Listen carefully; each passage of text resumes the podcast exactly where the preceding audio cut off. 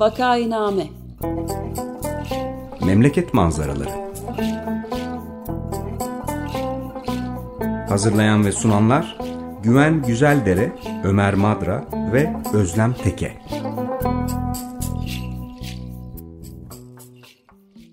Günaydın, Vakainame'ye hoş geldiniz. Burası 95 FM Açık Radyo. Vakainame'yi Ömer Madra, Özlem Teke ve ben Güven Güzeldere birlikte hazırlayıp sunuyoruz. Bugün iki konuğumuz var. Profesör Deniz Yükseker ve Profesör Hatice Kurtuluş. Hoş geldiniz. Hoş bulduk. Hoş geldiniz. Merhabalar. Konuğumuz Profesör Deniz Yükseker, sosyoloji alanındaki doktorasını Binghamton Üniversitesi'nde almıştır. Halen Kadir Has Üniversitesi Siyaset Bilimi ve Kamu Yönetimi bölümünde ve İzmir Ekonomi Üniversitesi Sosyoloji bölümünde ders vermektedir. Türkiye ile eski Sovyet Cumhuriyetleri arasında mekik ticareti, kadın emeği, İstanbul'da Afrikalı göçmenler ve sığınmacılar gibi farklı alanlarda araştırmaları ve yayınları vardır. Ee, diğer konumuz Profesör Hatice Kurtuluş, doktorasını ODTÜ Mimarlık ve Şehir Planlama bölümünde tamamladı. Türkiye'nin kentleşme deneyimi, İstanbul'un mekansal tarihi ve kentleşme deneyimi, mimarlığın sosyolojisi gibi konularda kitap, makale ve konferans bildirileri vardır. Halen İstanbul Üniversitesi Siyasal Bilgiler Fakültesi Siyaset Bilimi ve Kamu Yönetimi bölümünde ders vermeye ve tez yönetmeye devam ediyor. Hoş geldiniz. Hoş bulduk. Hoş bulduk. Şimdi biz bir süredir e, göç, göçmenlik, e, mültecilik üzerine programlar yapıyoruz. Bugün de o tartışmaya devam edeceğiz iki gün önce e, çarşamba günü bu hafta e, Heinrich Böll, Böll e, Vakfı'nın da desteğiyle düzenlenen bir panel oldu İstanbul'da. Göçmen mahallelerinde yaşam başlıklı bir panel. 2010'dan e, sonra Türkiye'ye gelen e, göçü ve iltica dalgasını değerlendiriyor. Bu panelde konuklarımız Deniz Yükseker ve Hatice Kurtuluş da e, konuşmacılardı. Biraz bunlardan e, bahsedelim istiyoruz. Daha önce de aslında yine Heinrich Böll Vakfı'nın desteğiyle yayımlanmış olan Pestisit Atlası'nı e, Bülent Şık bize anlatmıştı. E, herhalde bir iki ay falan e, oluyor. Şimdi siz diyorsunuz ki bu araştırmanızın sonucunda 17 şehirde Türkiye'de 39 mahallede göçmenlerin e, toplumsal katılımı konusunda araştırmalar yaptınız ve e, şu sonuca ulaşmışsınız. E, bütün hak kayıplarına, olumsuzluklara filan rağmen göçmen ve mülteciler Türkiye toplumunun bir parçası haline geldi diyorsunuz. Yani e, işte hani evet göçmenler geldi ama hepsini evlerine göndereceğiz. E, Türkiye'de güllük gülistanlık olacak falan e, gibi görüşler aslında bir hayalden ibaret e, zamanında da öyle gözüküyordu. Siz de bunu belgelemiş durumdasınız diye anlıyorum. Biraz bu araştırmadan bahsederek e, konuya girebilir miyiz? E, Deniz sen başla istersen. Tamam. Evet, e, biz bu araştırmada e, göçmenlerin Türkiye toplumunun bir parçası e, haline geldiği sonucuna varıyoruz. Tabii bu aslında çok kapsamlı bir araştırma. Bir e, nicel e, e, yaygın veri topladığımız nicel boyutu var. 3800'den fazla Türkiye'li, Suriyeli ve diğer göçmenle bir anket çalışması yapıldı. Sizin de dediğiniz gibi 17 kentte.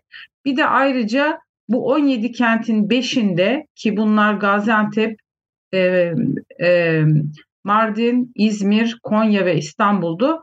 Çeşitli kurumların göçmenlerle çalışan çeşitli kurumların temsilcileriyle de 72 mülakat yaptık. Yani e, çok şey kapsamlı bir çalışma ve e, biz yani şöyle bir şey ortaya koymaya çalıştık. E, toplumsal katılım aslen insanların, e, bireylerin ve e, toplulukların hakları haklara e, haklarını kullanabilmeleri ve kamu ve özel hizmetlere ulaşabilmeleriyle ilgili bir şeydir ve örneğin biz e, entegrasyon ya da uyum e, kavramları yerine bunu tercih ettik. Yani bunun e, yapısal yönünü vurgulamak istedik toplumsal katılımın. Dolayısıyla bu hem Türkiye'lileri hem de göçmenleri ve mültecileri ilgilendiren bir durum. Ve de yani çok yoğun bir şekilde iş gücüne katılıyorlar, eğitime katılıyorlar, çok ciddi sorunları olma, sorunları olmasına rağmen işte sağlık hizmetlerine kısmen erişebiliyorlar vesaire. E, dolayısıyla yani bu insanların e, böyle e, geri gönderilebilecek e, bir grup olduğunu söylemek söz konusu değil. Zaten göç araştırmaları genelde e, göçmenlerin e, özellikle de böyle e, çok seneler geçtikten sonra e, işte Suriye göçünün üzerinden e, 12 e, 13 yıl geçmiş durumda. 12 yıl geçmiş durumda. E, geri geri dönüş pek söz konusu değildir. E, ben burada bırakayım. Ben alayım isterseniz. Hı hı.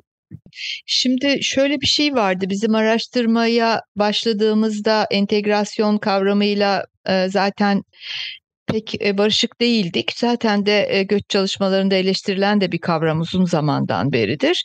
Yani kim nereye entegre olacak meselesi. Biz gerçekten bunu hak üzerinden baktık ve toplumda eğer istihdama katılıyorsa yani iş bulup çalışabiliyorsa, bir yerde barınıyorsa ve ikamet e, edebiliyorsa, kayıtsız da olsa o kentte ama bir ev kiralayıp o e, başkasının üzerine de olsa o evde orada yaşamaya fiilen devam edebiliyorsa ve o mahallede varlığını inşa edebiliyorsa başka bir ülkede kendi varlığını e, ve işte çocukları okula gidiyorsa, çocukları dil öğreniyorsa, okula uyum sağlıyorsa diyelim ki buna biz e, katılım diyoruz. Yani topluma katılıyorlar. Öbür yandan da toplum yani yerli toplumda onların katılmasıyla birlikte yerli toplumda yeniden inşa oluyor. Yani zaten hiçbir zaman modern toplumda özellikle hani e, kapalı içe kapalı tarım toplumlarını düşünmezsek modern toplumda zaten sürekli bir inşa hali vardır sosyomekansal olarak. Yani e, mekanda e, insanın varlığı bütün diğer e, unsurlarla birlikte hep yeniden inşa olan bir şeydir. Yani bu bunun çok şaşırtıcı bir yanı da yok modern dünya e, göçlerle oluşmuş kentlerden e, oluşuyor bugün.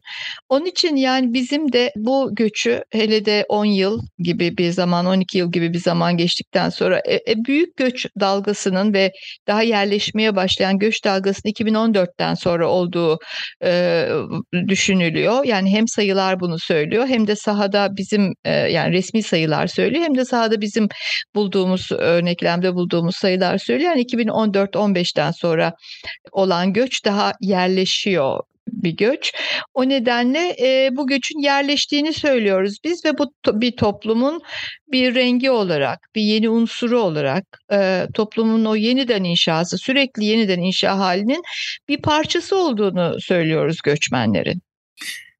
Evet, şimdi bana şöyle geliyor, göçmenlerle ilgili en temel iki sorun belki bir tanesi istihdam, e, yani çalışıyorlar mı, nasıl bir hayatları var filan. Biz bu program serisinin ilk bölümünü e, Trent Üniversitesi'nden Profesör Feyzi Baban'la yapmıştık ve e, The Precarious Lives of Syrians başlıklı kitabından e, konuşmuştuk. Suriyelilerin kırılgan hayatları. Orada da e, işte kitapta da deniyor ki aslında Suriyelilerin hayatları bugünden yarına ne olacağı bilinmeyen bir belirsizlik içinde e, ve bu belirsizliğin yarattığı kırılganlık içinde sürüyor. Bu tabii e, istihdamdan her konuya kadar belki e, etkili olan bir unsur. Bir de eğitim herhalde önemli. Yani e, şimdi e, bu Türkiye'nin aldığı göç başlayalı epey bir zaman oldu. Türkiye'de doğmuş hiç Suriye'ye belki gitmemiş olan e, Suriye asıllı çocuklar e, tahmin ediyorum e, var artık.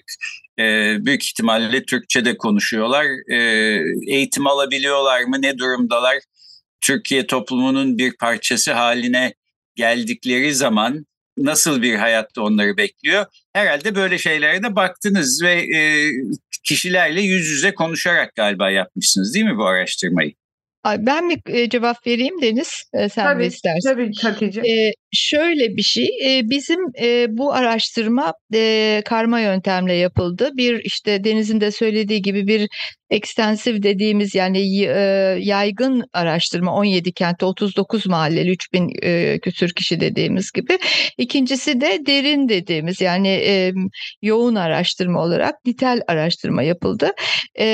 Suriyelilerle yapılan anketlerle yüz yüze görüşme yöntemiyle yapıldı. Evet yani bilgisayar destekli ama yüz yüze görüşüldü. Yani kapıları çalınarak her bir hanede bir kişiyle tabii onun bir yöntemi var. Yani yaş e, o şeyini tutturabilmek için dağılımını o yönteme göre ve kadın erkek e, dağılımını e, tutturabilmek için belirli yöntemler kullanarak e, böyle bir yapıldı. Yani yöntemimiz buydu. E, şimdi şöyle bir şey var. Önce iste, isterseniz istihdamla ilgili ben birkaç şey söyleyeyim. Eğitimle ilgili Deniz söyler. Çünkü daha çok orasını çalıştı Deniz. Şimdi biz e, belirli başlıklar yani bu katılımı ölçebilecek dünyada da buna dair ölçekler var çünkü belirli başlıklara baktık. Tabii bunun en başında insanların geçimi, barınması, eğitim ve sağlık gibi temel hizmetlere erişimi ve sosyal destek mekanizmaları yani topluma e, yerleşebilmelerini, tutunabilmelerini sağlayan destek mekanizmalarını temel olarak baktık. Tabii bazı daha spesifik şeylere de baktık. İşte siyasetle ne kadar ilgililer ona da baktık. Türk yasalarını öğrendiler mi onlara da baktık ama esas tabii şey bu şeydi. E, ilk beş söylediğimiz e, çerçeveydi. E, istihdama baktığımızda şöyle bir şey var. Suriyeliler tam olarak istihdama katılmış durumdalar. Evet düşük ücretle yani asgari bizim e, normal asgari ücretinin altında ücret alıyor e, e, e ortalama e, emekçiler. Yani ücretlilerin e, geliri e, bizdeki asgari ücretin bir miktar altında ama çok dibinde de değil. E, öyle diyelim. E, ağırlığı da zaten e, emekçi kesimler oluşturuyor. Yani diğer daha küçük bir var e, orta gelir ve daha yüksek gelirli olan Suriyeliler ticaretle dış ticaretle uğraşan. Şimdi fakat şöyle bir şey var. Kadın istihdamında düşük e, Suriyelileri biz e, aynı mahallede çalıştığımız için yani aynı mahalledeki aynı sosyoekonomik koşullara sahip mahalledeki Suriyeli, Türkiye'li ve diğer göçmenlere baktığımız için aynı mahalle ölçeği işte sınıfsal mahalleler bunlar. O mahalle ölçeğinde şunu gördük. E, erkeklerin istihdamında e, e, yüzde 87'ye varan istihdam var 18-49 yaş arasında e, Suriyelilerde. E, kadın istihdamı çok düşük olduğu için genel istihdamda yüzde 50 küsürlerde 60'lara doğru çıkıyor ama kadın istihdamı %16 civarında. E, Türklerde ise yani Türkiye'lilerde ise kadın istihdamı Türkiye genelinden daha yüksek bizim yaptığımız illerde yüzde 45 civarında çıkıyor. Normalde 35 civarında Türkiye genelinde. Yani şunu söyleyebilmek mümkün. Aslında Suriyeliler yoğun olarak istihdama katılıyorlar. İstihdam e, yani çalışma hayatına katılmış durumdalar. E, daha ucuz e, ve daha güvencesiz çalışmanın içindeler ve kadın istihdamı düşük olduğu için de hani genel istihdamları düşük görünüyor. Yoksa çok yüksek. Bir şey daha orada söyleyeyim. Kadınların istihdamının düşük olmasını da genellikle Türkiye'de hakim böyle çok şeyler var ya beylik yani e, bozulması gereken ezberler var yani kadın istihdamı genellikle işte muhafazakarlıkla ilgili falan görünüyor. O yönü elbette vardır bu karma bir şey. Ama evde bakıma muhtaç çok insan var. Yani kadınların bakım emeği nedeniyle de kadınlar evde. Hem çocuk sayısı fazla hem Suriye'den göçteki yaşlılar, bakıma muhtaçlar, sakatlar, yaralanmış olan, sakatlanmış olanlar. Yani haneler büyük ve hanede bakım emeği çok radikal bir ihtiyaç. Yani kadınların istihdamda olmaması Suriyeli kadınları sadece muhafazakarlıktan kaynaklanmıyor demek de mümkün olabilir. E, ağırlığı hem sanayi sektöründe hem tarımda e, daha az da hizmetlerde çok yoğun bir Suriyeli emeği kullanılıyor. E, diğer göçmenler hizmetler sektöründe biraz daha fazla olduğunu görüyoruz. Özellikle Türkiye Cumhuriyetlerden, yani Türkiye ülkelerden gelenlerin. Burada bırakayım çok uzatmayayım. Deniz eğitimi anlatır size. Tamam. Ben Güven Bey bu az önce söz ettiğiniz Feyzi Baba'nın uh, The Precarious Lives of Syrians kitabındaki o precarious e, kelimesinden e, başlamak istiyorum. E, yani Suriyelilerin e, kırılgan hayatları. Aslında Suriyelilerden daha kırılgan olanlar var göçmenler ve mülteciler arasında. Ve Suriyelilerin içinde de bazı gruplar daha kırılgan. Çünkü Türkiye'de göçmenler için asıl kırılganlıklarını oluşturan e, ilk nokta onların e, Türkiye'deki hukuki statüleri. Düzensiz göçmenler e, hiçbir e, aslında e, kamu hizmetinden yararlanamıyorlar. Eğitim bunlara dahil. Çocuklarını e, e, okula gönderemiyorlar. İstanbul'da mesela Nijeryalı ya da Kamerunlu ya da Afgan bir düzensiz göçmen çocuğu varsa onların çocukları okula e, gidemiyor. Peki ee, ben pardon bir araya bir soru sokabilir miyim lütfen izninizle? Düzensiz tabii. göçmen ne demek? kastediliyor? Bunu evet. e, bilmeyen dinleyicilerimiz tamam. de olması ihtimali tamam. karşı açıklar Düzensiz mısın? göçmenle kastımız bir ülkedeki e, e, e, kalışı geçerli bir vizeye ya da oturma iznine bağlı olmayan kişiler. Yani turistleri say, saymadığımız zaman hani geç e, bir ülkede oturma izni, Türkiye'de ikamet izni deniyor buna. E, işte e, bir ikamet izni veyahut da Suriyelilerde olduğu gibi geçici koruma statüsü ya da diğer sığınmacılarda olduğu gibi uluslararası koruma başvurusu e, olmayan kişiler e, düzensiz göçmenler. Ve bunların sayısını bilemiyoruz ama herhalde birkaç yüz bin kişi olabilir Türkiye'de. Dolayısıyla en kırılgan onlar. E, eğitime erişimleri de yok. Onu söyleyelim. Suriyeliler içinde de şöyle bir şey de var.